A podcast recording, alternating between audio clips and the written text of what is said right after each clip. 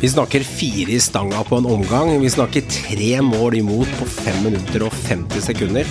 Bortdømt i Valhall av en svak dommer.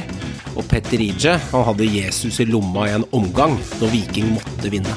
I dag gleder jeg meg til å høre om alle de deilige øyeblikkene han har vært igjennom i fotballkarrieren sin. Velkommen, kjære lytter, til en ny episode av Synseliga. Dette er Stensrud. Går han over ende?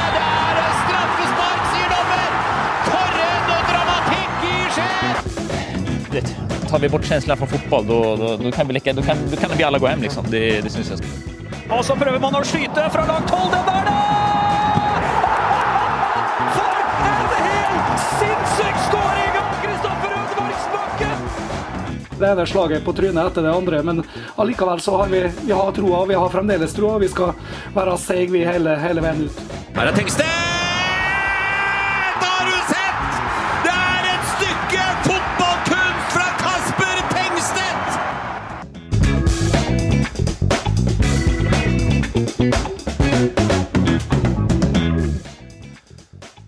Tom, velkommen skal du være til en ny episode av Synselegaen. Du og jeg sammen skal sitte og kose oss og mingle. Jo, takk for det. Det er, eh, det er herlig. Ja, har vi snakka mye om det her, og karene hadde litt ærender i dag. Og da tenkte vi at det var perfekt anledning til å gjøre det vi hadde planlagt i en lengre periode, og snakke litt grann om alle disse magiske øyeblikkene du har opplevd som trener. For jeg merker jo at mange av lytterne våre er jo eh, var kanskje ikke ja, Noen var kanskje Faktisk noen var kanskje ikke født engang på noen av de eh, hendelsene du har vært med på, og noen er ferskere enn andre, men vi skal i dag skru tiden helt tilbake til alt starta, altså. Så jeg har funnet fram skillingsboller, jeg har funnet fram Coca-Colaen, og jeg har funnet fra meg litt av snus her, Tom. Jeg er klar. Jeg mangler bare popkornet, men det er fare for at det blir litt av pause i løpet av en times tiden, og så kanskje går jeg og setter på mikroen og bruker tre minutter der, men eh, time will show. Ja, Vi får se. Vi får se, ja. Eh, Når du, når du sa at noen av lytterne ikke var født, så følte jeg meg veldig ung. Ja, ja, ja. Ung og vakker enda. Ung og vakker enda. Eh, vi har jo sett mange av disse matchene Tom, i Tidenes kamp, som er blitt lagd av TV 2 for noen år siden. Eh, og eh, det er vel en sju-åtte videoer samlet, men du er med i eh, to tredjedeler av dem, da? Ja, kunne lagd noen flere som vi skal innom. Vålerenga, Sogndal osv. Så, videre, så det er vel en par episoder til som kunne vært lagd. Så Ja, det det har vært, det har vært noen eh, episoder, og den gang bortemål teller, det gjør det jo ikke lenger. så det burde vært som nå. Ja, sant det. det, er sant det. Så eh, Tom, vi kan jo starte å snakke litt om eh, i år 2000. Enga, Enga Sogndal. Du var vel eh, Har omtalt den jobben i Vålerenga som kanskje på papiret den største prestisjejobben, da. Eh, før du kom fra, fra Odd Grenland den gangen. Og Enga var jo sett på som er en stor klubb. Og du, eh, det, det, det var jo litt andre boller og, ja, boller og saft på bordet der den gangen i, forhold til, i forhold til det med at det ble sett på som en ganske stor prestisje å trene Enga i år 2000 også. Det har det alltid vært òg. Ja, for andre så var det sånn. Jeg tenkte ikke sånn i det hele tatt. For meg så var det enda større prestisje selvsagt å trene barndomsklubben og, og Lillestrøm. Men det er jo Begge disse klubbene er jo Du nevnte Coca-Cola i stad. Det er jo en merkevare som folk har forventninger til, uansett om budsjettet måtte være 70 millioner eller 14 millioner. Så det, er, jo- det er jo sånn når du kjøper deg en Coca-Cola, så forventer du at det er cola på flaska og ikke saft. Altså, Mm. uansett hva for, uansett hva budsjettene er, så er jo forventningene til en merkevare ekstremt stor, da, uansett, blant uh, supportere. Gjør det det mer krevende? Man kommer inn i en uh, manesjen når man trener en klubb som Vålerenga, Rosenborg eller Brann, hvis man bruker de tre som eksempler. Uh, selv om kanskje resultatet har vært Jolly Cola de siste årene, men du er ansatt for å levere ut fra krav og forventning på en annen hylle. Ja, altså det er Selve jobben og i garderoben og alt, det er ikke så forskjell, men det er så mange flere som mener noe om det. Mm. Altså, det er eh, Det er jo større Mye større steder, eh, flere supportere. Eh, de er ikke noe mer passion enn andre steder, men eh, i noen klubber så er det jo små forventninger. Altså, eller få som forventer noe. Mens det er liksom ikke alt fra lilleputter til eh, gamle spillere, oldemannslaug. eh, Og ikke minst at når du er i, på Østlandet sånn sett, så er jo den gangen var jo pressedekningen enormt stor, fordi at du er nærme Akersgata, hvor, hvor de største mediehusene eh, lå, Mm. og Marienlyst. Så det er klart at eh, du hadde jo Både i Vålerenga og Lillestrøm så hadde du jo riks- og lokalpresse på treninga hver eneste dag. Mm. Jeg tror ikke jeg kan telle på en hånd mange ganger mange treninger det ikke var TV til stede på den tida. Hvor TV 2 hadde rettighetene, og de hadde egne reportere som øh, fulgte hvert sitt lag. Mm. Ja. ja. ja, så, så du hadde jo så, som lagde sportsnyheter hver eneste dag da, øh, til sporten. Mm, mm. Og angående det med å ha en egen reporter for nesten hvert eneste lag, og alle i Akersgata sitter og følger med altså, Hvis jeg slår opp Aftenposten da, eh, og leser tilbake fra Vålerenga-Sogndal i 2000, så vi kan starte der, Tom, så står det at et regnvær av de sjeldne preger Ullevål 30. oktober 2000. 1-1 i første kampen gjør at Sogndal måtte skåre. Bortelaget gjorde også det ved å ta tidlig ledelsen. Så dukket Kjetil Rekdal opp med et flott langskudd til 1-1. Dermed var man like langt. Jeg vil ikke lese mer, jeg sier bare prikk, prikk, prikk. Hvordan husker du disse dagene her med først den bortekampen, og så, og så mottar dere Sogndal i dette griseværet inne i gryta i Oslo etterpå? Nei, Jeg trente jo Kjetil Rekdal da, han var jo allerede trener i hodet da, så han hadde jo sterke meninger. Så jeg husker vi diskuterte litt, og jeg ville jo gå for seier eh, i Sogndal på 1-1. Og han ville vel gå for uavgjort, da, som den oddsspilleren og matematikeren han er. Og jeg Ja, så vi var litt uenige der, og, men bortemålet var jo viktig den gangen. Og så kom vi på Ullevål, så er det jo fire årstider i løpet av kampen. Det spesielle var jo at Odd, som jeg hadde gått fra året før, vinner jo cupfinalen på søndag. Denne kvalikkampen er på mandag.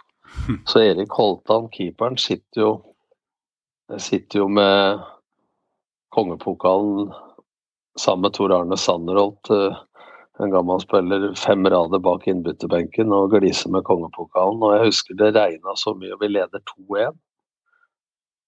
Eh, og jeg eh, ser Det er så dårlig sikt at jeg ser ikke ut til midtstreken engang. Så jeg spør Erik Holtan er det noe vi må gjøre. Nei, det eneste de kan score på er dødball, sa han. Og de scorer da på en dødball, da. Eh, hvor Tommy Øren river seg løs fra Kjetil Rekdal og putter 2-2. Og så har vi vel en sammenhengende angrep resten av kampen hvor hvor vi blir snytt for straffene der på, med Knut Hovel Heiås. eh, Så det, det er spesielt. Det verste er at dommeren, som er en av de dommerne du virkelig kunne ha dialog med, har vel dømt to-tre av disse kvalikkampene, Per Ivar Stadberg. Mm. Så han dømte jo den berømte Start Lillestrøm Fredrikstad Eller Start eh, Fredrikstad-kampen også, som vi skal komme tilbake til. Så. Mm. Men det var sånn derre Du var bare helt sånn tom når du var ferdig, og klanen på en måte omtrent hylla deg da, og det rykka ned, så var det spesielt. da. Jeg husker jeg var helt ute av meg, for jeg, de skulle ha liksom trøya di og skoa dine og sånn, så jeg hadde vært inne og skifta, for det var så jævla bløtt. At jeg pælma skoa mine opp på tribunen. Det var bare litt synd at jeg hadde skifta til de skoa jeg skulle ha på meg hjem. Kjørte du uten sko hjem, eller? Nei, jeg tok de våte. Nei, det var, eh, det var helt surrealistisk, egentlig, eh, den kvelden der. Og vi hadde jo 20 000 på Ullevål i siste seriekamp, hvor vi måtte slå Start for å komme i kvalik. Så, Mm. og det var en spesiell sesong. Geir Baksson og Trond Lillestrøm var min assistent. Vi spilte ganske bra fotball men, og skapte masse sjanser, men vi Det var uh, ville seg ikke den sesongen. Vi lå Blei vel kalt Målenga istedenfor Vålerenga på våren der, Mm. hvor, eh, hvor det gikk bra. Og så stoppa det opp. Eh, men det hører jo med til historien også at budsjettet var ja, en brøkdel av hva det var året før. da. Når eh, Even Haugen fra Skjetten, som var min formann der, var daglig leder i Vålerenga. Man skulle kutte veldig mye, så det første vi gjorde, var at vi fjernet ti spillere. Gi dem sign-off-fee. Mm. Så det, og vi trente jo det året på Skjetten kunstgress til sjuende og åttende serierunde. Og det lå jo rotter og knuste glasskår på i parken på Valle som de pussa opp seinere. Så det var en merkevare, men det, det var eh, forholdsvis høye lønninger til spillere. Men det var ikke rammevilkår til å utvikle, rett og slett. Mm. Mm. Og, de hadde jo redda plassen så vidt året før. Eh, Drillo og Kjernås dro ut til Wimbledon, og Løberg tok jo over. Man måtte jo vinne siste kamp mot Kongsvinger året før for å ikke rykke ned. Mm. Så det var ikke sånn at resultatene året etter var katastrofale i forhold til det som hadde vært året før heller, men forventningene som sagt til merkevaren er jo der. Karakterer som Kjetil Rekdal, da, som også var med på å avgjøre Eller være med liksom å avgjøre litt grann der pga. karakteren, og du tar med han inn i spillergruppa åssen det skal opptre på bortebane mot Sogndal, og, og når han mister den markeringa på Tommy Ørn der, og eh, så blir det 2-2 der, da er det 3-3 sammenlagt. Og, hvordan oppfattet du han etter, etter det nederlaget der? Eh, han var jo forholdsvis ung da, det er jo 20 år siden, par og 20 år siden. Hvordan eh, Ja, oppfattet du den? Nei, jeg, jeg merka ikke noe mer på han enn på de andre. Det var inne i garderoben etter en sånn hendelse, selv om han er en ekstrem vinnerskalle, så, så blir jo det at alle sitter og ser tomt ut i lufta, på en måte. Det, det var jo helt uh, Vi var jo forberedt at det kunne skje, men allikevel sjokkerende, på en måte. Mm. Så det er ekstremt lærerikt, uh, en sånn situasjon. Men eh, det er, det er små marginer. altså Alt kan skje. altså Man snakker om at det jevner seg ut etter hvert. og sånn I sånne enkeltkamper, altså kvalikkamper, så kan jo alt skje. Og det skal vi jo komme tilbake til med marginer, for å si det sånn. Ja, det kan man si. Eh, Så kommer 2002, går to nye år der. Hvor er du i den perioden, Tom? Eh, Du ble borte fra Vålerenga, og du har jo snakket om det tidligere også, men de to årene imellom før Sandefjord Brannkampen kommer, det er, det er vel en litt sånn vakuumperiode i karrieren din der òg? Nei, ja, det er bare eh, Det er bare halve året. eh, 2001. Ja. Jeg går jo av i Vålerenga 9.2.2001. Og så er jeg jo og hjelpe Kaz Sokolowski med Asker på høsten. Ja. Etter at jeg har skrevet under for Sandefjord. Stemmer. Så er jeg jo gang igjen i Sandefjord da i november-desember 2001. Ja. Så det er ikke rar, det er ikke rare oppholdet, for å si det sånn. Og da, da er det Sandefjord i to sesonger og kvalik begge åra. Ja, nei, da er vi i gang igjen. Og den Sandefjord Brannkampen i 2002, der ender det 0-0 i første match. Ja, så det er så jevnt at uh, jeg tror det er 2002, hvis jeg ikke blander med 2003, men det er vel Ståle Solbakken 2002. og HamKam. 2002. Ja, så Ståle Solbakken og HamKam får straffe. Vi tok 30 poeng borte og 30 poeng hjemme. Spesiell sesong. Og HamKam får straffe med Frode Birkeland borte mot uh, Alta i Finnmarkshallen. Som avgjør at vi kommer ikke i kvalik da, og ikke rykker rett opp. Eh, og så blir jo da kvalik mot Brann, og det som er litt spesielt er at eh, vi spiller på gress på gamle storstadion i Sandefjord. Og det som er litt, Jeg kan si det nå, for det er så lenge siden. Eh, Jeg spilte en fotball i gamle der i, i nåværende tredjedivisjon, altså fjerdedivisjon i Åkrene idrettsforening, noen kilometer utenfor Lillestrøm. Og dommerne i den kampen, eh, som jeg ikke skal skylde på, men han var egentlig utestengt, Roy Helge Olsen, for han hadde gitt fingeren til noen folk på Marienlyst i en kamp, som dommer. Da gikk det en mail til Åkeren idrettsforening, og det skulle være egentlig at um, Jeg tror han het Mats Hansen, sønn til Rune Hansen, markedssjef og en av dem som har sparka meg for lenge, som spilte både i Vålerenga og i Lillestrøm og ble seriemester i 77 med LSK. Han uh, hadde spilt ulovlig, og han var utestengt i x antall, jeg tror det var 18 kamper eller noe sånt. Og den mailen skulle jo gå til Åkrene. Mm. Og min gamle oppmann i Åkrene, Arild Mossing, som er i kommunestyret, var i Fett kommune en gang, som er i Lillestrøm kommune nå, han mottok en mail, da. Og de hadde blåa ut feil mail før de sendte den. Der sto det at Roy Helge Olsen er utestengt resten av sesongen, men i media vil det hete én kamp. Og han er da utestengt, men blir satt opp som dommer i Sandefjord Brann. I- Og der, og der skjer jo en, en situasjon En situasjon hvor, eh, eh, hvor eh, tilbakespill Regelen var jo ny. tilba en spiller spilte tilbake til Ivar Rønningen, som sto i mål ved Brann. Mhm. Og han, Fredrik Thorsen prikker den forbi og skal sette den ballen i åpent mål. Så blåser jo dommeren da, for angrep på keeper. Ok. Og hvis hvis det hadde vært angrep på keeper, så hadde det- han tatt i ballen før Fredrik Thorsen. da. Mm. Og da skulle det jo vært indirekte frispark fra fem, fem meter for tilbakespill. så det var spesielt, da. Men jeg gadd ikke å si noe om det. Og så er det 0-0, og Teitu Tordalsson trener vel da Brann. Eller er det Monsiva Mjelde? Jeg husker ikke. Eh, Mhm. og så kommer jo da Sandefjord, som eh, hadde vært nummer åtte-ni i førstedivisjon året før. Plutselig kvalik på gedigne Brann stadion, og spiller av Espen Bugge Pettersen sto i mål. Og, og Geir Ludvig Fevang, som senere var i start, og Jon Midtun Lie, som var i start, og Lillesund spilte jo topplønna var ved 100 000 i året, vel. Og Espen Bugge Pettersen, som nå er sportssjef i Sandefjord, han kom fra Eik, Tønsberg. Og jeg, han tjente 60 000 i året, og jeg husker jeg, han var litt utrett. Jeg husker jeg sa til ham at eh, enten blir du landslagskeeper, eller så kan du åpne gatekjøkken i Tønsberg. Sa du det til ham? Ja, han ble, fikk en landskamp eller noe, Han var jævlig bra. Mm, han ble bra. Ja, han kom jo faktisk Han fikk jo faktisk Jeg mener Espen Bugge Pettersen fikk eh, årets Kniksenpris for keeper et år òg. Ja, og så var han jo i Molde. Og, ja. Ja. Så, så drar vi jo til Bergen og skal spille der. og Det var ikke for å være uhøflig, men jeg ser jo at spillere har på å drite i buksa. Så det er klart at når Bergens nasjonalsang, nystemten, kommer, Mhm. så måtte jeg få spillerne til å røre litt på seg. Så de, de drev og varma opp litt, sto ikke i vakt. og da var det vel 20 000 som peip, for å si det sånn, så jeg vet ikke hvor mye de fikk med seg av nystemten. Men jeg hadde ikke vært for det, så tror jeg vi hadde stått som saltstøtter. Men uh, det er jevn kamp, og vi taper 2-1. Og Brann greier seg, og vi rykker ikke opp da. Så det, det er enormt små marginer, for å si det sånn. Ja.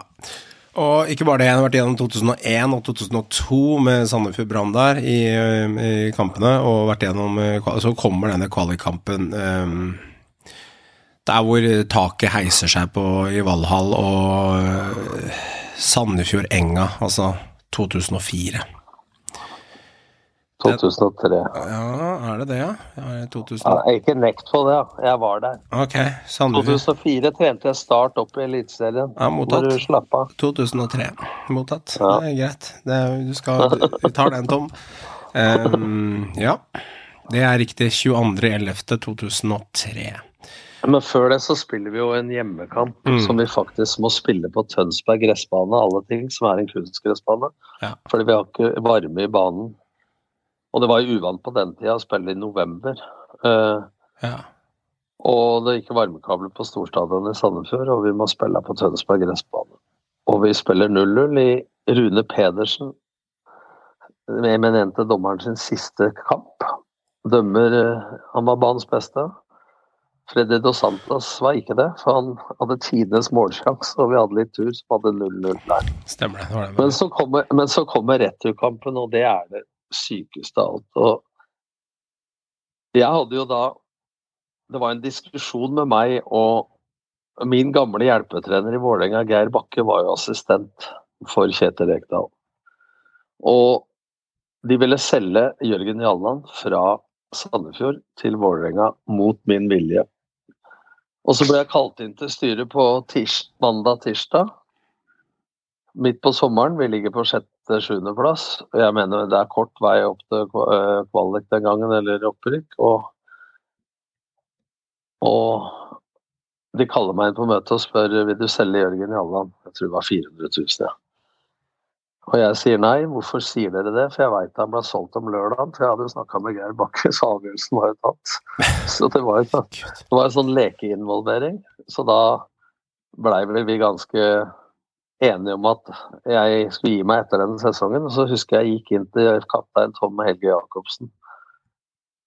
Og så sa jeg lag en tabell for resten av sesongen. Av ti-elleve kamper igjen. Og den skal, tabellen skal vi vinne, så vi dreit inn den tabellen vi lå nummer sju. Og da var vi ti seire og en uavgjort på de elleve siste. Ikke sant? Og da kom vi, da kom vi i kvalik. Eh, og da drar vi til Valla. Og hvorfor drar vi til Valla?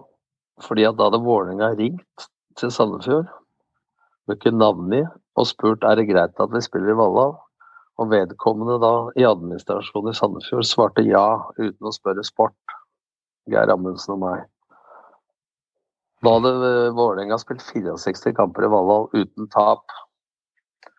Og vi var vant til å spille på gress, hadde måttet spilt hjemmekampen på kunstgress i Tønsberg. Eh, Og så spiller vi da returkampen istedenfor på Ullevål, inne i Valhall med 7000-9000 tilskuere. Alle sto. Og det føles som at det er 50 000 mann der. Ja, og vi måtte ha plakater for å uh, få gitt beskjeder. Og på benken til Vålerenga så sitter Geir Bakke, som er trent i Strømmen og vært hjelpetreneren min.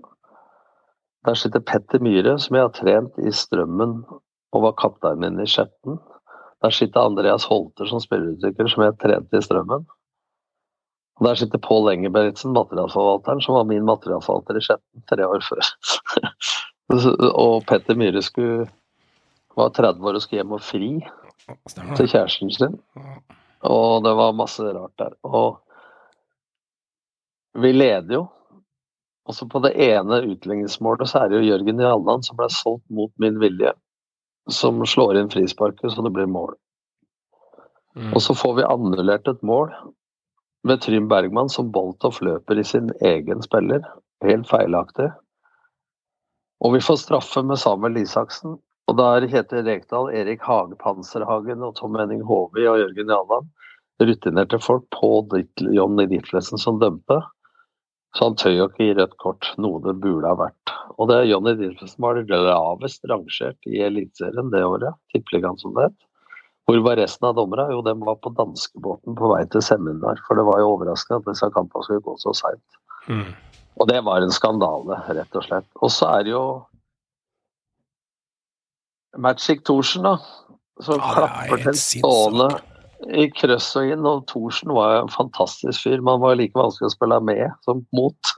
Da ser jeg litt av ikke sant? Jeg husker det, men da ser jeg litt av dans fra deg eh, på den tiden et kamp Ja. som ligger på TV2. Og du drar deg litt av danskebåtvrikk der, altså, Tom? Eh, Litt av, Ja, men- litt av Ja, det, er feeling? ikke ofte, det er ikke ofte jeg jubler før kampen er slutt, men da kom den, for det var Magic. Men man prater mye om å, om å bli krenka for tida. og når jeg kom inn der og veide vel mine 125-30 kilo den gangen, og de Det setter på Ole, eh, Ole Ivars med 'nei, så tjukk du har blitt', så kunne jeg blitt krenka, men jeg hadde jo ikke noe valg annet enn å dra opp genseren og sette ut magen og parere det med humor, for å si det sånn. Ja, ellers hadde du blitt spist Men- levende. Du måtte jo, du måtte jo møte det med samme mynt. Ja, og så var det Fredrik Thorsen da, som står foran keeperen til Vålerenga, Øyvind Boltoff. Og han står et par meter unna, og Boltov slipper ballen og skyter ut i Thorsen. Han tar ballen og setter i åpent mål.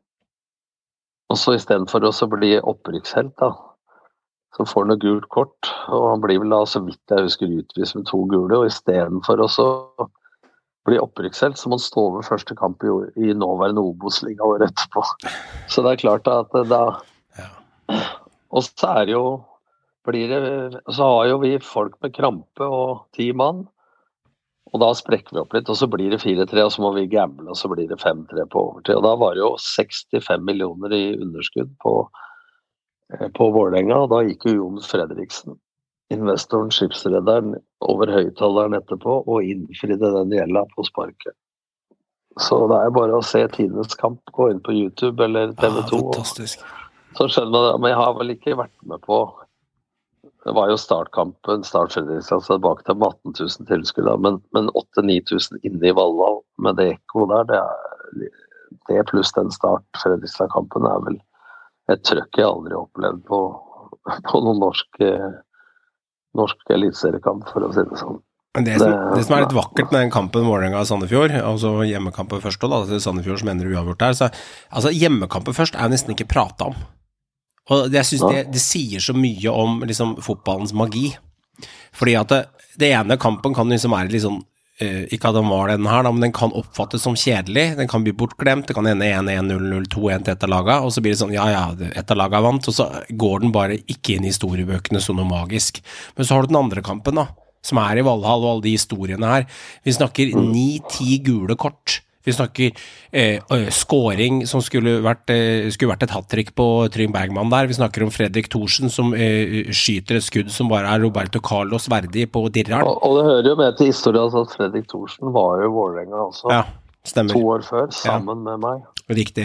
Og så har du, og så har du det at målet til Boltoft der, som han skyter han i Thorsen i mål, og jeg husker Fred og Santos sier på den tidenes kamp Hva er det egentlig som skjer her? Altså, han sier jo sjøl etterpå at jeg er ikke sikker på om det var riktig avgjørelse. Han er ærlig på det, liksom. Han har sett det mange ganger i etterkant og tenker at det der, den, er, den der, der er tvilsom, for å si det Ja, mildt. det er tre tvilsomme. Det er den, og så er det den corneren på innøvtrekk som Boltoft Ja. gutter i egen spiller. Riktig.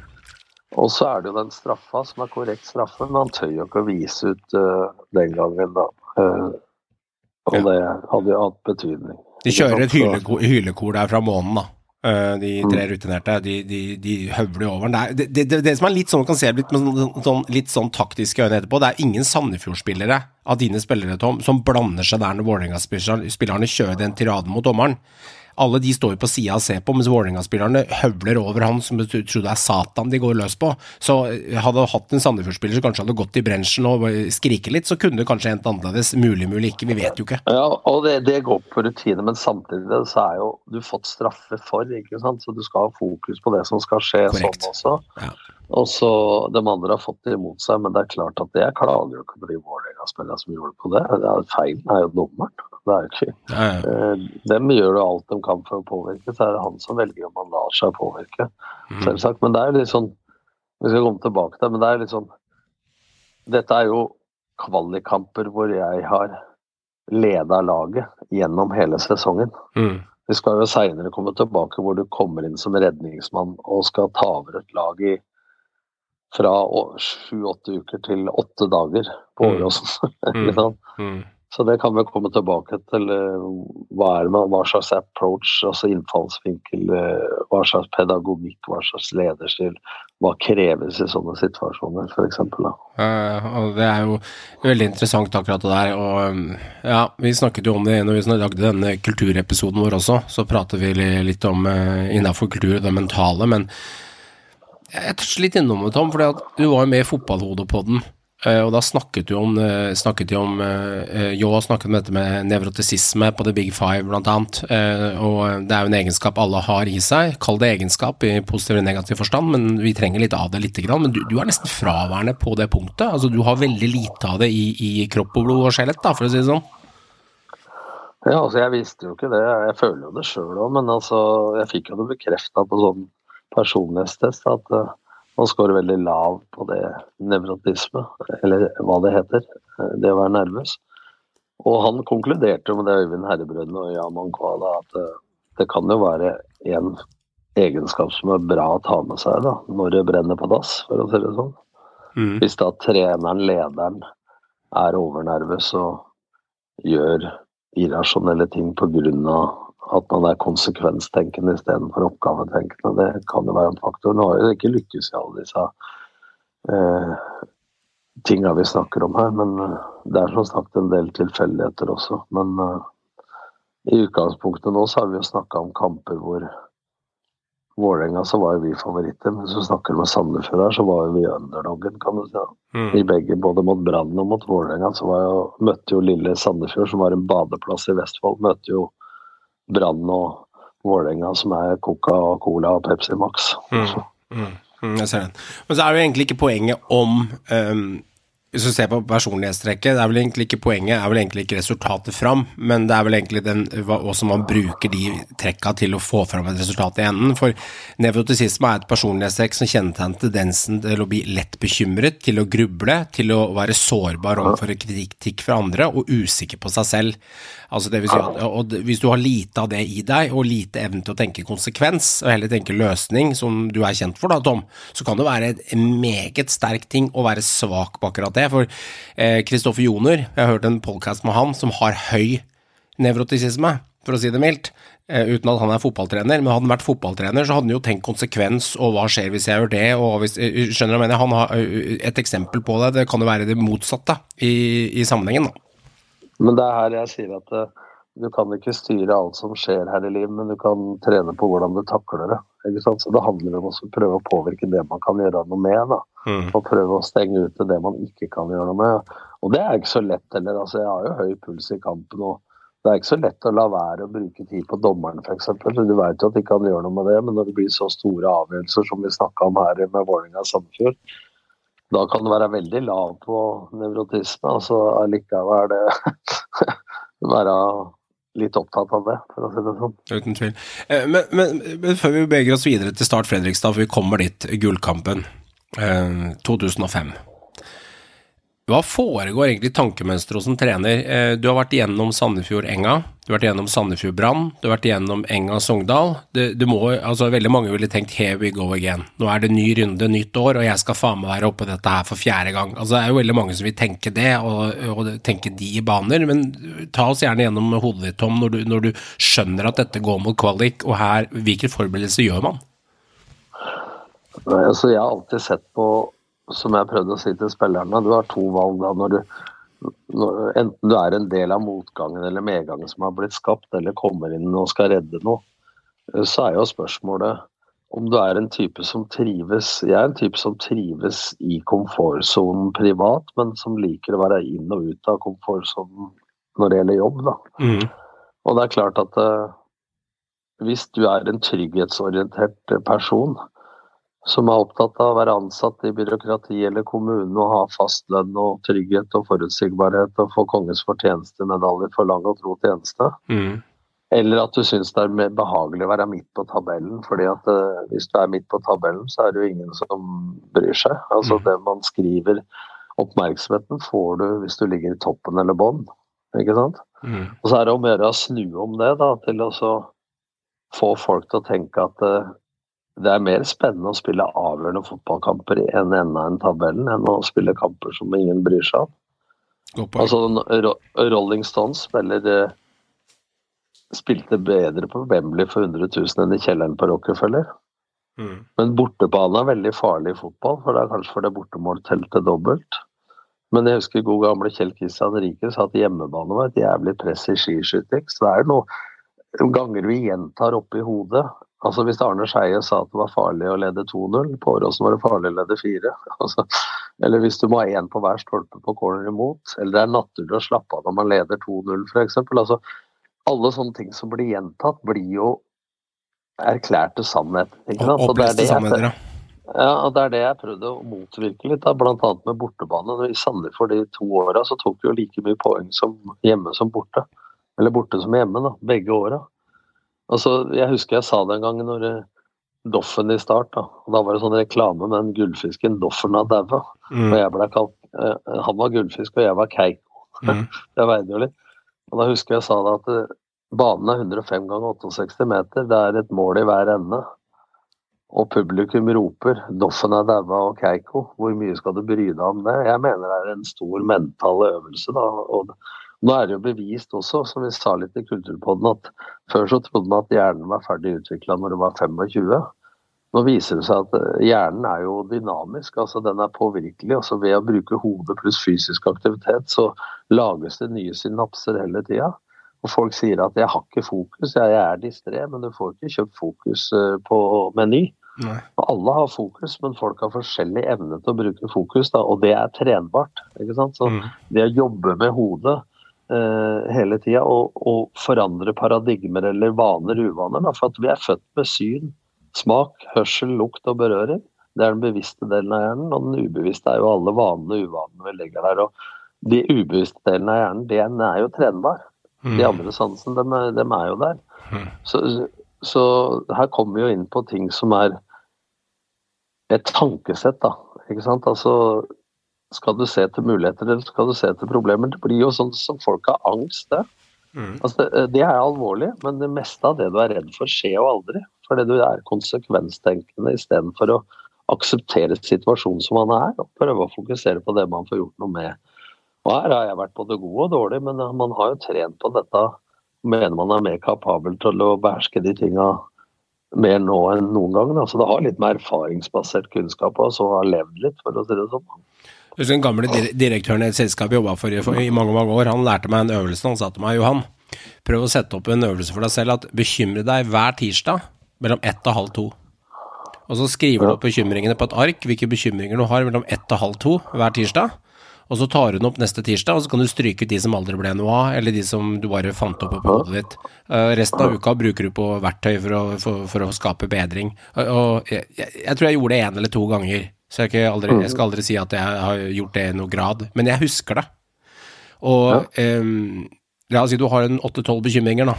Alt fra at regningen ikke er betalt, til at du har svikta unga dine på sa nei til håndballtreninga, eller at du kom for seint hjem i forbindelse med en avtale du hadde, eller et eller annet økonomisk eller et eller annet kjærlighetsmessig i livet ditt, eller noe fotballmessig, det kan være hva som helst. Men sannsynligvis så har mange av de bare viska ut seg selv med tiden, fordi det ble aldri noe av. Så det ligger noe i det, Tom. Ja, det er klart, men, men spørsmålet er da at enten du er fotballtrener eller om du har tunge til dager og mørke dager privat, så har vi jo tendens til eh, Hvis du har en tung dag, så er vi ganske eh, flinke til å analysere hvorfor dagen er tung. Hvorfor du er nedstemt, hvorfor du er deprimert osv. Eh, ja, men når du, vinner, når du taper fotballkamper, så analyserer vi ofte kamper til døde. Og hvis, du vinner på en dårlig dag, så sier du at et godt lag vinner på en dårlig dag. Eh, og da er, kommer inn til den filosofien at eh, vi har tendens til Altså Hvis jeg skal si til deg Johan, at eh, du gjør noe bra, så har vi tendens til å si 'bra, Johan'. Mm. Eh, selv om det er usannsynlig at du gjør noe bra. alt der på si. Det er sant, det er sant. Nei, nei, Jeg, jeg, jeg, tror men, men, men hvis du har gjort noe dårlig, da, så holder jeg et langt foredrag, for da er vi litt overpå. på. Og den Mhm. kunsten ved å fokusere på hva som er bra, Mm. hvorfor det er bra, så du kan gjenskape og videreutvikle det som er bra, er jo mye viktigere enn å grave i det. Så hvorfor ikke når du har de gode dagene, fokusere på hvorfor de er bra?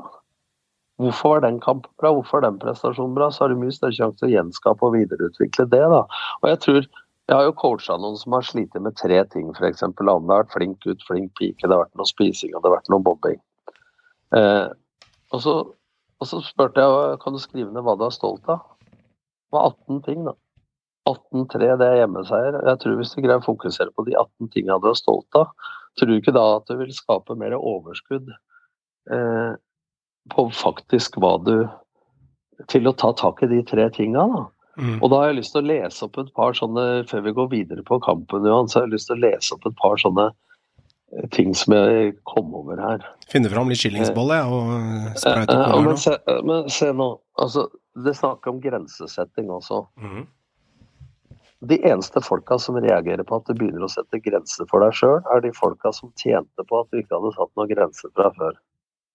Den er fin, for Hvis du plutselig har vært en people pleaser eller litt ja-menneske plutselig begynner å sette grenser, så syns folk det er ubehagelig. Selvfølgelig. Eh, Har vi som trenere eller spillere sagt at de er blitt irritert for resultater vi ikke har fått, etter innsats vi ikke har giddet å lagt ned? For eksempel. Ja, la oss pakke opp den litt. Mener man da at jeg blir irritert for et resultat, eh, eller no, noe jeg ikke har fått, for, et, eh, for en innsats jeg ikke har lagt ned? Det betyr at du mener du fortjener mer enn det enn universet Ja. mener du skal gi deg? At du er irritert for at eh, du ikke oppnår resultatet du vil. Det er ikke en kvalikkamp over tid, men så innerst inne har du kanskje ikke giddet å lagt ned jobben. Mm. Og så er det jo en ting til, at å tvile på seg sjøl tror jeg er helt normalt. Som trener, spiller, eh, familiefar, eh, hva som helst. Mm. Men å la det stoppe deg er jo et valg. Ja, det er sant. Men så kommer det én ting. altså Jeg er lei av at folk sier 'tenk på noe takknemlig positive ting om kvelden, så våkner de om morgenen lykkelig'. Ja. Og jeg tror at et positivt tankesett endrer ikke en kjip situasjon du eller laget ditt står i. Men å trene på et positivt tankesett endrer jo deg og din evne igjen til å takle den situasjonen du står i. Ikke sant? Så hvis du fokuserer på, på de 18 gode tinga, da, og så skal begynne å ta tak i de tre, og du er vant til å tenke positivt og løsningsorientert, så har du jo mye mer verktøy i kassa til å ta tak i de tinga du sliter med. Mm. Ikke sant? Mm. Og dette handler om mindset, det handler om å trene på hvordan tenke. Og istedenfor å gruble over hvorfor ting har oppstått, da. Er det ikke da bedre så akseptere sånn er det. Jeg har gått eh, konkurs, jeg har fått sparken, jeg har blitt skilt, eller jeg har ditten og datten. og så begynne å tenke på hva du skal gjøre med det, for da er du mer konstruktiv i hodet med en gang. Da. Så jeg har jo tatt over lag som har sagt at vi er for gode til å rykke ned. Og det å få dem til å innse nå-situasjonen med en gang, da. At vi kan faktisk rykke ned. Og så begynne å tenke på hva skal vi gjøre med det, istedenfor å, å si at ja, ja men eh, som det gjorde i Viking en gang, som vi skal komme tilbake til. Men at ja, men vi har jo så mye budsjett og vi er for gode til å rykke ned. Altså, det er en grunn til at de lagene som har forberedt seg på at det kan bli en tung sesong og jeg har lite budsjetter, ofte takler det bedre enn de som havner i kvalik, f.eks. Overraskende, da. Mm. Ikke sant? Mm. Eh, Får meg til å tenke på en ting, Tom. I løpet av de kampene her, nå har vi hatt Enga Sogndal, vi har tatt Sandefjord Brann, og vi har tatt den magiske kampen med Se fra Vålerengas øyne, da, hvis vi kan er store nok på det, Sandefjord-Enga i 2000 og, 2003 der. Men et spørsmål til deg. Eh, be- Begynte du å tenke konsekvens etter disse kampene, og at du hadde hatt tre nederlag på rappen der? Du, før vi kommer til Start Fredrikstad, eh, du har vært gjennom mye kvaliker, begynte du å endre deg noe, eller du, eh, skjedde det noe med deg på veien? Nei, for at jeg følte at vi hadde gjort eh, bra resultater. Altså Hvis du tenker Sandefjord var underlag, Vålerenga var jo favoritt, det er greit. Eh, I start så var vi nyopprykka, rykka opp med poengrekord i 2004. ikke sant? Og, og ligger i toppen og kjemper om gull i, i 2005. Uh, så jeg tenkte ikke sånn, men på den tida ellers så tenkte jeg aldri konsekvens. Altså jeg, jeg har tatt over Viking og Kongsvinger hvor de har spurt meg Jeg husker jeg sp eh, jeg spurte ni-ti stykker om jeg burde ta Kongsvinger, og alle sa at det var stor risiko eller var ikke fint nok osv. Helt til jeg spurte dem hjemme om jeg skulle gjøre det, og da var vel de lei av meg hjemme. Så, så de sa vel nesten vær så, kan du være så snill å ta det. men, men, men folk sa at det var stor risiko. Og når jeg tok Viking og Kongsvinger, som vi skal komme tilbake til, men som et eksempel, altså lå de sist. Jeg tenkte alltid sånn den gangen. Jeg, jeg, jeg skulle jo til, eh, til Stockholm og Djurgården en gang, når eh, Viking kom på banen. ikke sant? Og så når de ringer og spør kom og redd oss, så tenkte jeg aldri sånn at tenk om det rykker ned. Jeg tenkte kun hva kan jeg lære av det? Og nummer to, hvor mye kan det påvirke en gruppe faglig og mentalt på sju-åtte uker? Så jeg, jeg tenkte ikke konsekvenser, tenk om hvis om at det Og jeg husker en gang jeg kom hjem og klagde, tenk om jeg får sparken om seks måneder, f.eks. da. Og da sa de hjemme, sa de hjemme var, Har du tenkt å ha det bra eller jævlig på vei dit? Skjønner du meg? Altså, da var jeg konsekvenstenkende. Når jeg sto i fa alle skrev at du skulle få sparken. skjønner du? Og så begynte jeg å tenke tenk om jeg får det, og da fjerner du jo fokuset ditt altså vi om i stad, fra oppgavene dine til konsekvensene for det alle andre. Og det har jo lært meg mye de situasjonene til å så tenke annerledes, hvis du skjønner meg. Og første gangen du opplever det, så er det som å få et balltre i trynet. Og den første gangen du opplever det, så hadde jeg en hammer i verktøykassa, og det visste jeg ikke hvordan han skulle bruke den, for jeg får jo strøm og skifte lyspærer, velger dem hjemme. Men, eh, men når du har opplevd det noen ganger, da, så har du flere verktøy i kassa. Og, og hvis du greier å lære av de situasjonene, så er det jo en erfaring å ha opplevd det. Og da handler det om hvilke av verktøyene i kassa skal du ta i bruk. da, ikke sant? Så, så dette er jo mye man har trent på oppi hodet. Og her snakker man om erfaringsbasert kunnskap. I tillegg til utdannelse og det evidentbaserte. Ikke sant? Det fortsatt, men det er jo fortsatt trenbart, for det er jo, det er jo en kjempe Du kan snakke om det på en skolebenk, og du kan sitte og bli coacha av en coach som, har, som får store penger for å sitte og se deg i øya og stille åpne spørsmål til deg, men du har vært igjennom det i ilden, opplevd det på hud og hår, og sett alle fasetter av det her med fans og supporter og penger med mennesker som spenger, spytter inn penger. Sånn som du sa med Vålerenga, plutselig ble gjelda sletta på 65 millioner. Hadde rykka ned fem minutter før, så hadde ikke gjelda blitt sletta, da hadde Vålerenga vært ferdig. Så du har jo sett, du, du har sett veldig mange sider av dette her, og det er veldig viktig å kjenne på det også.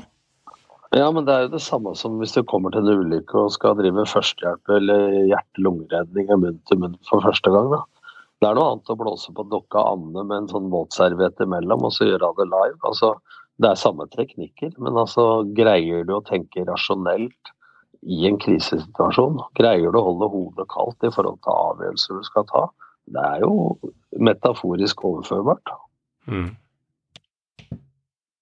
Du nevnte noe med familien og kona der, at de, de, nesten jagde deg ut i jobber for de følte at nå er det på tide at du har flydd så mye hjemme her, og du hørte litt med rådgivning fra venner og kollegaer og eh, fotballpersonligheter. Men du har jo snakka med kona di x antall ganger med tida over kjøkkenbordet eller i sofaen når du har sittet og sett på TV-programmer, og jeg tipper jo at, som jeg kjenner deg, Tom, at du er jo en kar som liker å ha dialog med de rundt deg. Åssen har kona di alle disse åra, når du har vært nedfor eller glad, eller om du har vunnet eller tapt, eller vært fri, åssen har henne respondert på disse tingene, hun som kjenner deg ekstremt godt? Ja, men det handler om uh, alle rundt deg i nære familie. For det, det handler om også ikke være med på de høye berg og dype daler, som vikingerne sang en gang. For dem som måtte like den type musikk. Det er sant, det. Eh, uh, for det handler jo om å være stabiliteten rundt ting da, og limet rundt ting. Så, så, man så jo på kamper før men, eh, og var glad på deres vegne og sånn, men eh, det å ha noe annet å snakke om. Men eh, det gikk jo så langt en gang at når jeg hadde Skeid, så hadde telefonen ringt noen ganger, og så hadde jeg ikke tatt den. Og så landa vi på en flyplass, og så fikk jeg spørsmålet hvor har du vært? Nei, jeg er på fly. For da hadde de var på gården i Skien, og jeg var på Lørenskog. Og ja, jeg har vært på fly. Hva har du gjort, da? Nei, vi har kamp. Å ja. Hvem mot da? Nei, vi spiller mot Harstad med Skeid. Å ja, når, kamp, når, kampen var ferdig, da, så jeg ringte hjem og spurte hvem ordner ditt og datt og matpakker, matpakker osv. Mm.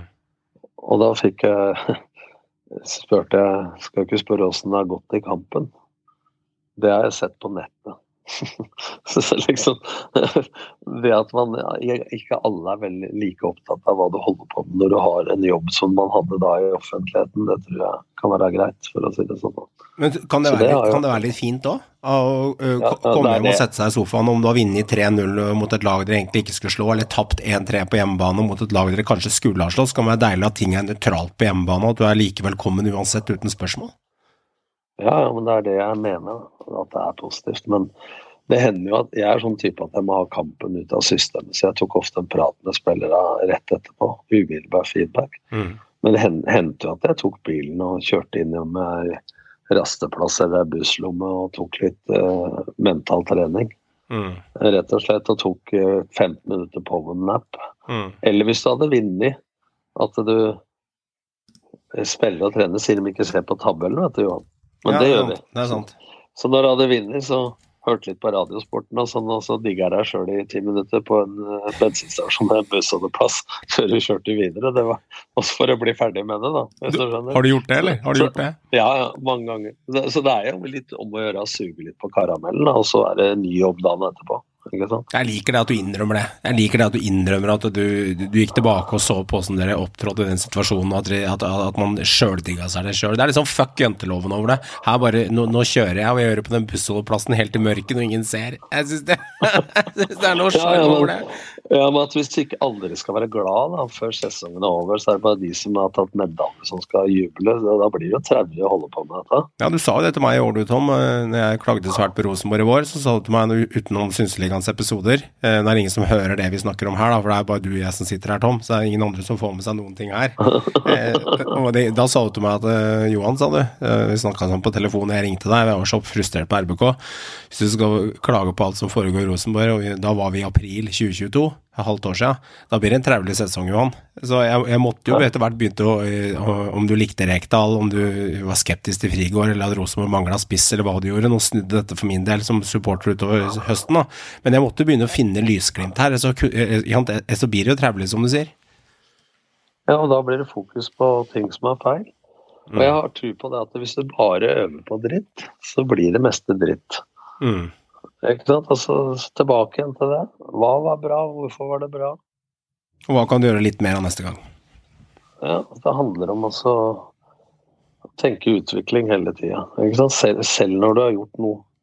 Selv om et resultat er dårlig i en fotballkamp, eller du har et salgsmøte som selger, eller hva, så kan det jo være deler av den prestasjonen som er bra, for det om ikke resultatet ble bra. Mm. Så jeg tror at sånn som du tar over et lag f.eks. i krise. altså Gode og dårlige resultater kan være tilfeldig på kort sikt. Mm. Men uh, over tid så er det sjelden tilfeldig, for å si det sånn. Da er det ofte en konsekvens av hvordan man har gjort jobben bærekraftig over tid. da. Ja, så skal vi plukke én myte før vi kommer til magien i, i, i Kristiansand. Og um, det er jo en myte om at når trenere tar over klubber, noen mener at den myten gjelder, andre mener ikke. Så er det bedre resultater på kort tid. Men når de går på tabeller og ser på de første fem kampene etter at en ny trener tar over, versus de siste fem kampene med en gammel trener, så er ikke poengfangsten nevnverdig større. Det er promiller vi snakker om her når det er godt å sett på det. Så virker det også det er en sånn opplest og vedtatt sannhet, at eh, alle klarer å løfte et lag. Men det er, det, det er ingen sannhet i seg selv, at man klarer det selv om man skifter trener. Nei, men Hvis du går på de lagene jeg har tatt over, da, så har jeg i hvert fall hatt veldig høyt poengsnitt. Ja, du har gjort det, men nå er du én ja. mann da, og har en spesiell egenskap akkurat der, og er veldig sterk men, på det. Ja, men altså Ja, det kan være tilfeldig, men eh, jeg tror det har mer med ja, Vi kan komme tilbake til det, men mer med ledelse. Altså, ja, det er mer med ledelsesstilen din, Tom. Men her snakker vi om en statistikk jeg så på det, med x antall trenere fra Eliteserien de siste 20 årene. og Da hadde man gått gjennom 50 trenere, og da var det ikke stor forskjell. Nei, nei, men det å la være å sparke en trener er også en avgjørelse. I år var det ingen som ble sparka i sesongen. Mm. Det kan kanskje være feil, men i 2006 mm. så var det 10 av 14 som måtte gå, for å si det sånn. Så, så det er også sykt, da, for, for, å si det sånn. Men bortsett fra Vålerenga, som jeg rykka ned med, mm.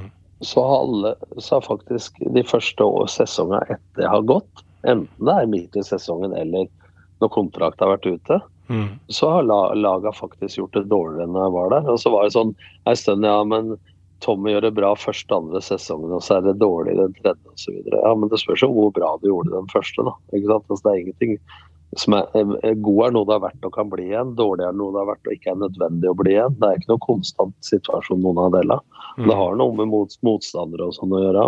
Mm. Så det er klart at uh, man kan bruke statistikk til så mangt, da. Det, kan, det, kan. det, blir det, samme, det, blir det samme som hvis du skal ringe referanse på et menneske som skal ha jobb. Hvis mm. du søker etter negative referanser, så får du det til. Og hvis du søker etter positive, så får du det til. Mm.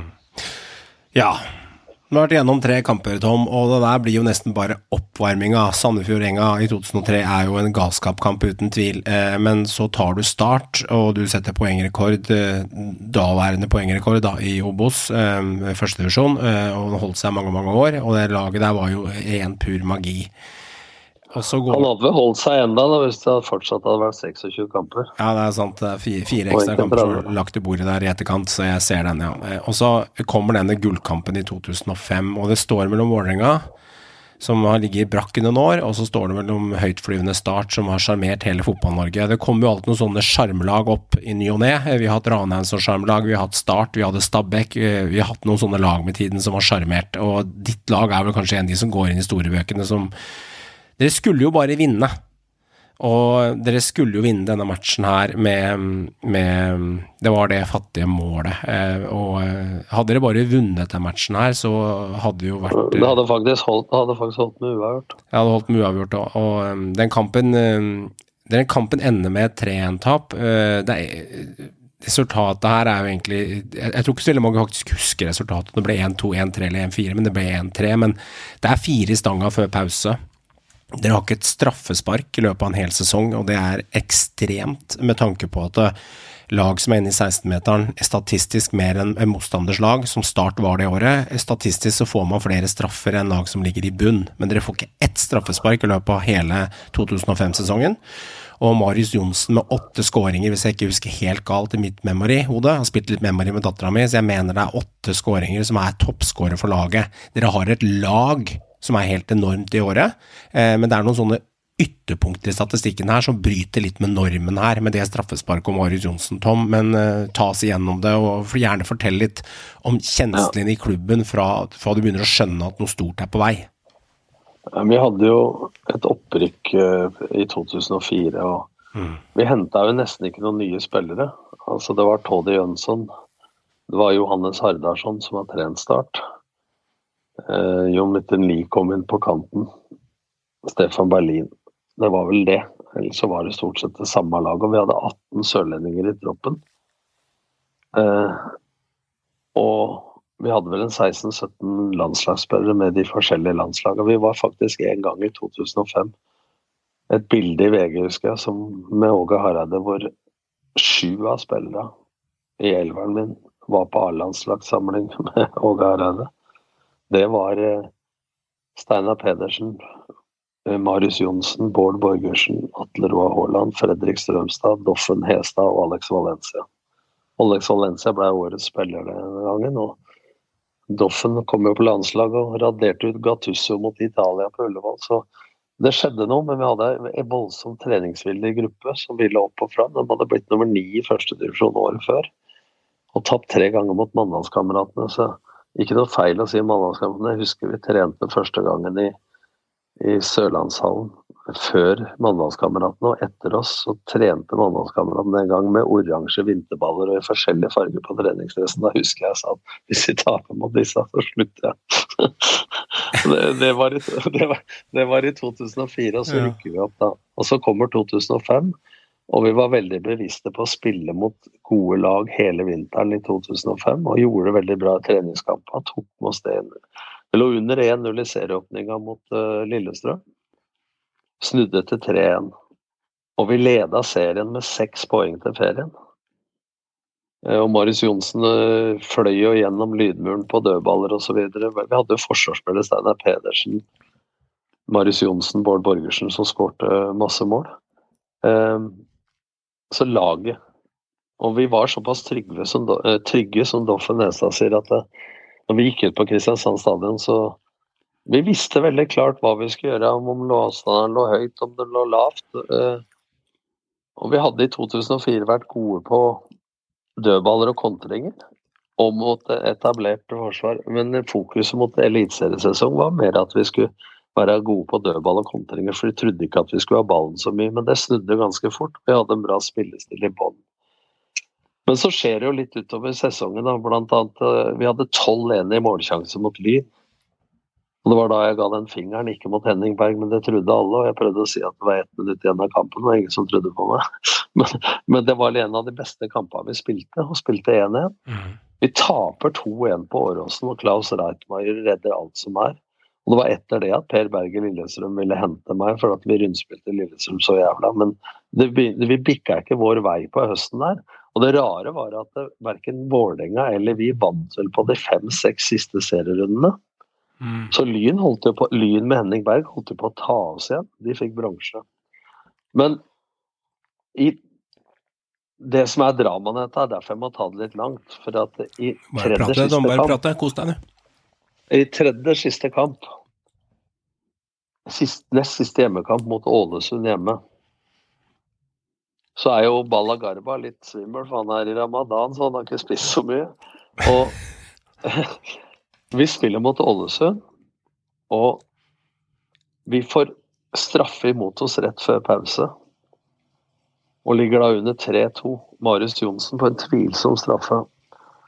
Ett minutt ut i annen omgang så får Atle Roa Haaland, som ikke hadde ett gult kort som midtstopper, rødt kort, helt feilaktig. Lasse Olsen den gangen i Ålesund.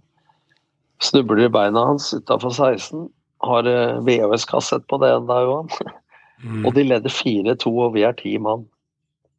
Så snur vi til 4-4 med ti mann, og så er det overtid. Så har vi ballen nede ved cornerflagget, Balla Garba. Så mister han ballen til bekken Gustava Bahoken, som raider 103 meter opp med, ba med Balla Garba. Og jeg roper 'takle, takle, takle'. Han var på motsatt side av meg. Mm. Hvis han hadde vært på sida mi, så tror jeg jeg hadde takla han som trener og tatt et år på tribunen. Gunnar Prokov i håndball gjorde det. Eh, så legger han inn til Trond Fredriksen, nå assistent i Vålerenga, som skårer. Avspark slutt. Vi taper 5-4. Der begynner dramaet.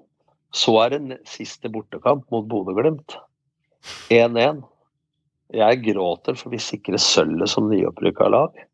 Men da står Balla Garba én meter fra mål og treffer terrassen på den blokkleiligheten bak målet på Aspmyra. Balla Garba, altså. Han var legende, men han, stelte seg mye faenskap for deg nå. Nei, ja, men det var tilfelle. Det er ikke for å henge ut han, var en nydelig fyr. Eh, og Atle Roe Harland må jo stå over i Bodø for det røde kortet han fikk mot Ålesund. Og så får Bård Borgersen sitt tredje gule og må stå ved seriefinalen mot Fredrikstad. Så kamp, kommer kampen mot Fredrikstad. Eh, publikumsrekorden er 14 000 på gamle Kristiansand stadion med én tribune. Vi får lov til å slippe inn 14 700 eller og sånn Brannvesenet godtar 18 000. Publikumstallet, hvis jeg ikke husker feil, er 16.667. Sånn er det ofte. Det er godt, godt spotta. Jeg er på Start sin hjemmeside. De har skrevet om denne kampen her. eh, For det er på Ja. historiske startøyeblikk. Det er 16563, så det er 70, Ja. 70 tilskuere i bom. Det er innafor, altså. Ja, det er noen år siden, for å si det sånn. ja, ja. Eh, Men, eh, men så skjer det sprø er at det er 18.080 inne, så vi får 500 000 i bot av forbundet. Mm. Så sier Erik Soler, som eide klubben sammen med Ernst Jan, og sa det gjør ikke noe, sa han, det var 18 008 inne, så vi går overskudd og folk hang i trærne og sto på ja stader. de scenene er helt sjuke. Ja, og, og da var det Dags eh, Solheim fra Fredrikstad kommentert sammen med Øyvind, eller var det Øyvind Alsaker, husker ikke, også Nils Johan Sem. Og de sa at det var jo engelske tilstander på tribunen her. Og så er det så sprøtt at eh, Dagfinn Enerli skal ikke spille kampen fordi han har feber. Mm. Velger å spille kampen som kaptein. Mm. Og har vel ikke vært hjemme på defensiv corner én gang i hele sitt liv. Mm. Og de tar ledelsen 1-0 ved Øyvind Hoaas. Og så har vi corner. Og så går Øyvind Hoaas opp og lander oppå nakken til Dagfinn Hennelie. Og da roper Spiker at det går bra, men legen Alexander Notto og Sandnes kommer ut og sier at dette går ikke bra. For Steinar Sørli som sto i mål, da, han eh, ba jo Dagfinn sammen med legen løfte opp arma. Så svarte Dagfinn 'jeg gjør jo det'. Og dem, han lå jo helt flat. Og det var så dårlig vær at uh, legehelikopteret kunne ikke eh, lette, så han kjørte ambulanse helt. Og det, det er jo liksom Oppi det så blir jo fotball lite vesentlig oppi det hele her. Mm. Men uh, der står jeg, da, tjukk og feit og med prolaps i ryggen og syns synd på meg sjøl, før jeg veit åssen det har gått med Dagfinn. Og så er det jo det surrealistiske at vi spiller en av tidenes beste kamper. Og vi ruller over Fredrikstad. Fredrikstad må ha poeng for å ikke rykke ned. Vi må ha seier eller uavgjort for å vinne serien. Og det går vekselsvis eh, meldinger, ikke sant. Og vi ligger under. Og vi skyter fire ganger i stanga på 20 minutter. Mm. Det er klokkereint til stanga. Det er en i tverrleggeren stanga, har ryggen på keeperne og, og ut. Og det er vel uh, Alex Valencia igjen, Stefan Berlin igjen og Toddy Jønsson to, hvis jeg ikke husker feil. Jeg det det er var Berlin. Eh, Men om det ikke var Berlin som hadde to, det husker jeg ikke. Ja. Eh, Og det er helt jævlig. Eh, Og så skårer jo dem en meget tvilsom goal, Hans Erik Ramberg, som jeg mener er offside. På den sida som vi skal få annullert målet i andre omgang, av samme linjemann, Odd Arne Vangen. så han sa til meg, møtte han på Åråsen i år, så sa han vi er vel ferdig med det, Nor- Nordli? Nå, sa han. 17 år etterpå. Ja, slapp av, sa jeg. så, så så kom jo den legendariske pausa. De fulgte meg i NRK for å lage en dokumentar. Og jeg husker jo ikke det, vet du. Pausa så går jo 80% på å skryte av laget. Og jeg sier 'skjønner dere ikke hvor gode dere er'? Men så kommer jo det at jeg sier at dere sitter der og syns synd på dere sjøl, fire i stanga osv. Og får dem til å innse realiteten. Og så, så tilter jeg jo litt, og så skal jeg finne et ord som beskriver den. Og da kommer jo det famøse Mongoens-uttalelsen. Det er jo godt Det, er- det er legend. ja, men det er godt viralt. ikke sant? Så tror jo folk at hver eneste pause er sånn.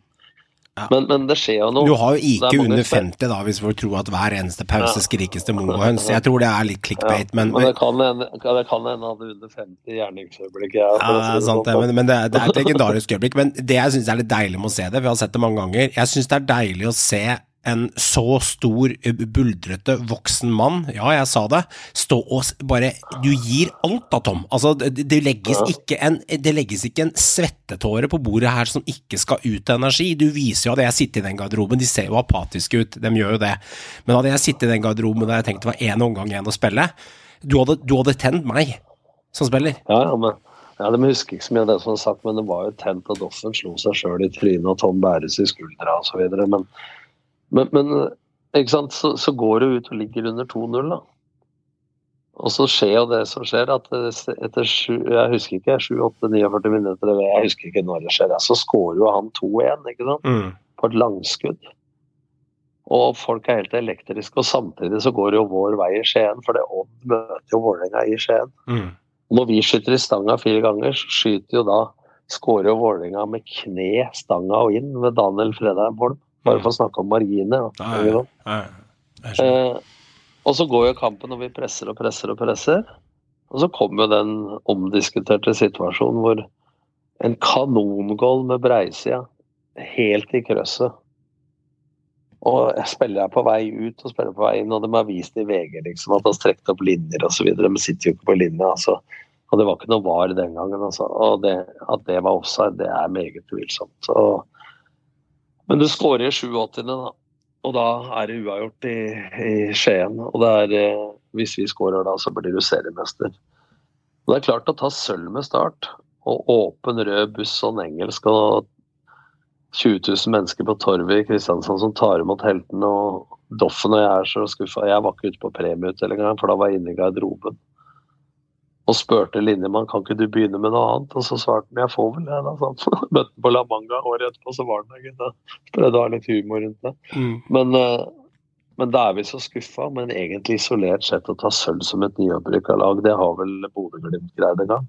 Mm. Eh, Moss, Moss med, i 87 med Nils Arne Eggen tok gull. Så det er vel de tre situasjoner der. Og, og altså det var bare sånn surrealistisk, for det var så mye følelser. altså du, du er dødslei deg, du har tapt gullet, du har vunnet sølv. Dagfinn Enerli er alvorlig skada. Altså det, er liksom, det er et miks av følelser som er helt sjukt. og Den gangen lagde jo Christian Torkelsen den første episoden av Tidenes kamp, og det er klart at det, Pga. det kameraet også til Sanden Media som lagde kommentaren eh, om Start om meg, da, i, Mm. som gikk i 2006, eh, så var jo det kamera tett på i garderoben overalt. Det er jo derfor du får med deg det pausene, den pausa osv. Så, videre, ikke sant? Mm. så du får jo så sterke bilder av det der. så det der er vanskelig å ikke bli, rørt av den dag i dag, altså, hvis du, hvis du ser det. Så det, så det er jo helt sjukt. Drillo sier det at flaks og uflaks det har mer å si i fotball enn du tror. Mm. Og noen sier at det jevner seg ut etter hvert. så Ja, over en sesong så gjør det nok det. Men i en enkeltkamp som det der altså Hvis det hadde vært tørt vær, ikke vått, da så hadde vi hatt stolpe inn istedenfor stolpe ut. Mm. Who knows, liksom. Men, Har du, vært, men har du vært bitter på det? Altså, det er jo en kamp som går igjen for eliteserie og aldri, tippeligafans. al- aldri bitter, det er en destruktiv kraft. Men du har jo vært lei deg, eller du, Jeg begynte en gang å tenke Er det typisk oss, liksom? Mm. Men det blir som han kameraten min som dro til Syden, og så sa han tror du ikke det begynte å regne jeg var i Syden? Og sånn. Så det er sikkert jævlig mye med deg å gjøre, som jeg sa til ham. Men, men, men det er naturlig, da. Altså, mennesker er jo fort å gå i en sånn destruktiv tenke ty- typisk meg-tankegang. Dette har skjedd før, og skal det ikke være vår tur nå igjen? Det, det er jo uh, Mange mennesker har en tendens til å ende der, og det, det, vi snakker jo Vi snakker jo på håret her, eh, Tom. Ja. Nei, du må være i det. Og det du ser på Bård Wiggen som var assistent og Erik Ruthvold som var keepertrener nå, at det er du står jo, De står jo bare og slår ut med hendene, liksom. Altså Fire stolpekryss på en omgang. Har det skjedd før? Eller seinere? Ja, kanskje. Kanskje skjer det en gang, liksom, som ikke har fått med oss. Men det skal jo skje i en match som dette, da. Der hvor det er så betydelig. Ikke en match i 17. serierunde i 2011 når ingen brydde seg. Altså, det skal skje en match som dette. Jeg snakka med keeperen Steinar Sørli bare for tre-fire år siden når vi skulle lage en sånn pilot for VM i gatefotball for tidligere rusmisbrukere og hjemløse. Han var jo Eh, keeper på, på Fredrikstad. Ja, og han eh, jobba da i Frelsesarmen for disse gatelaga osv. Mm. vi satt og prata om det, så Og det var helt så han, han så at jeg løp litt ut på banen og sto og veiva i hendene når Dagfinn lå nede. Så jeg trodde jo han hadde såkalt, som mange sier, svelga Svelga tunga. Mm. Skjønner. Uh, fikk du gitt, gitt beskjed den gangen, da? Altså i bunn og grunn, uh, om det? Altså de ut, eller, eller trodde Nei. du de ute på banen hadde fått det med seg? Nei, men altså, da dommeren så det etter hvert, og legen løp jo ut da. Det, han sa jo det går, det går ikke bra.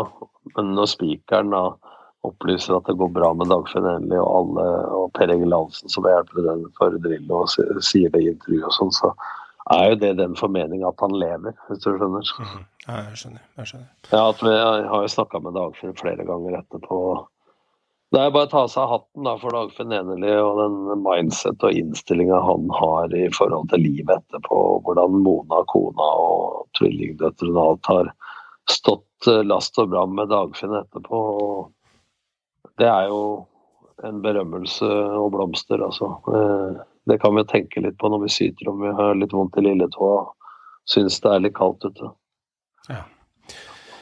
Det interessante her er jo at eh, ser du hvem som rykket ned, så Bodø-Glimt og Ålesund tok den tunge veien ned i førstedivisjon den gangen, mens Molde måtte ut i kvalik. Og ser vi det i dag, så ser vi at Bodø-Glimt og Molde er med og 15 år etterpå med å dominere norsk fotball, så eh, Da kan du stille deg spørsmålet, da. Hva har Molde og Bodø-Glimt gjort siden 2005?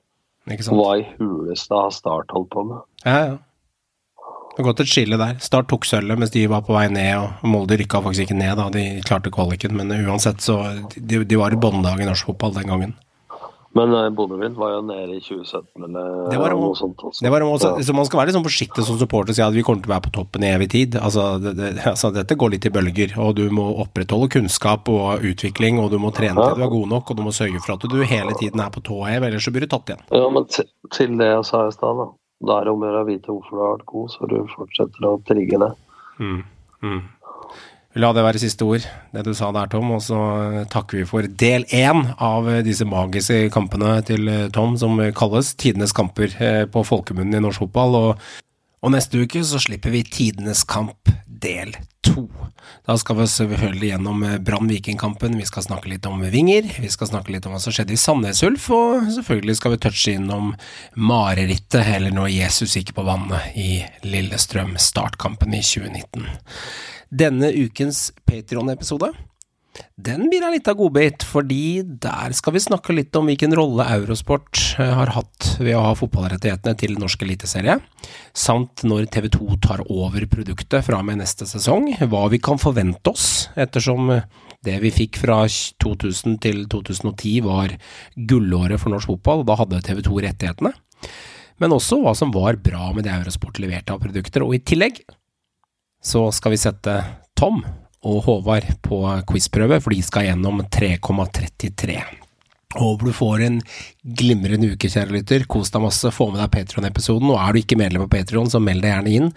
Koster fra litt over 35 kroner for å være medlem, opp til 50 til 69, og uavhengig av hvilket eh, medlemskap du velger, så får du akkurat samme innholdet.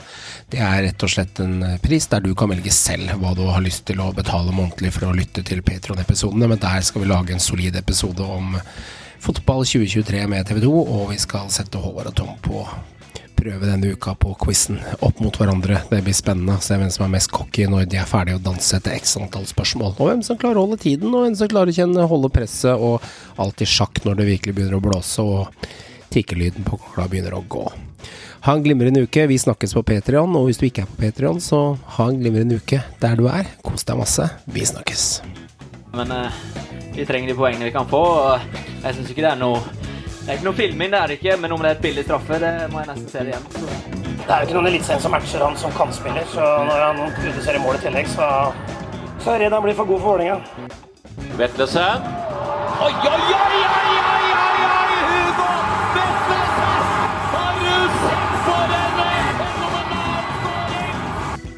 Absolutt. Nei, altså jeg eh, kunne jo hatt eh, fem-seks mål i dag, jeg. Hvis jeg hadde vært litt mer eh, kald og effektiv foran boksen. Uh, much you say about it, there's 100% a penalty. You had a dialogue afterwards with uh, the referee. What did the referee? Say? They don't even listen.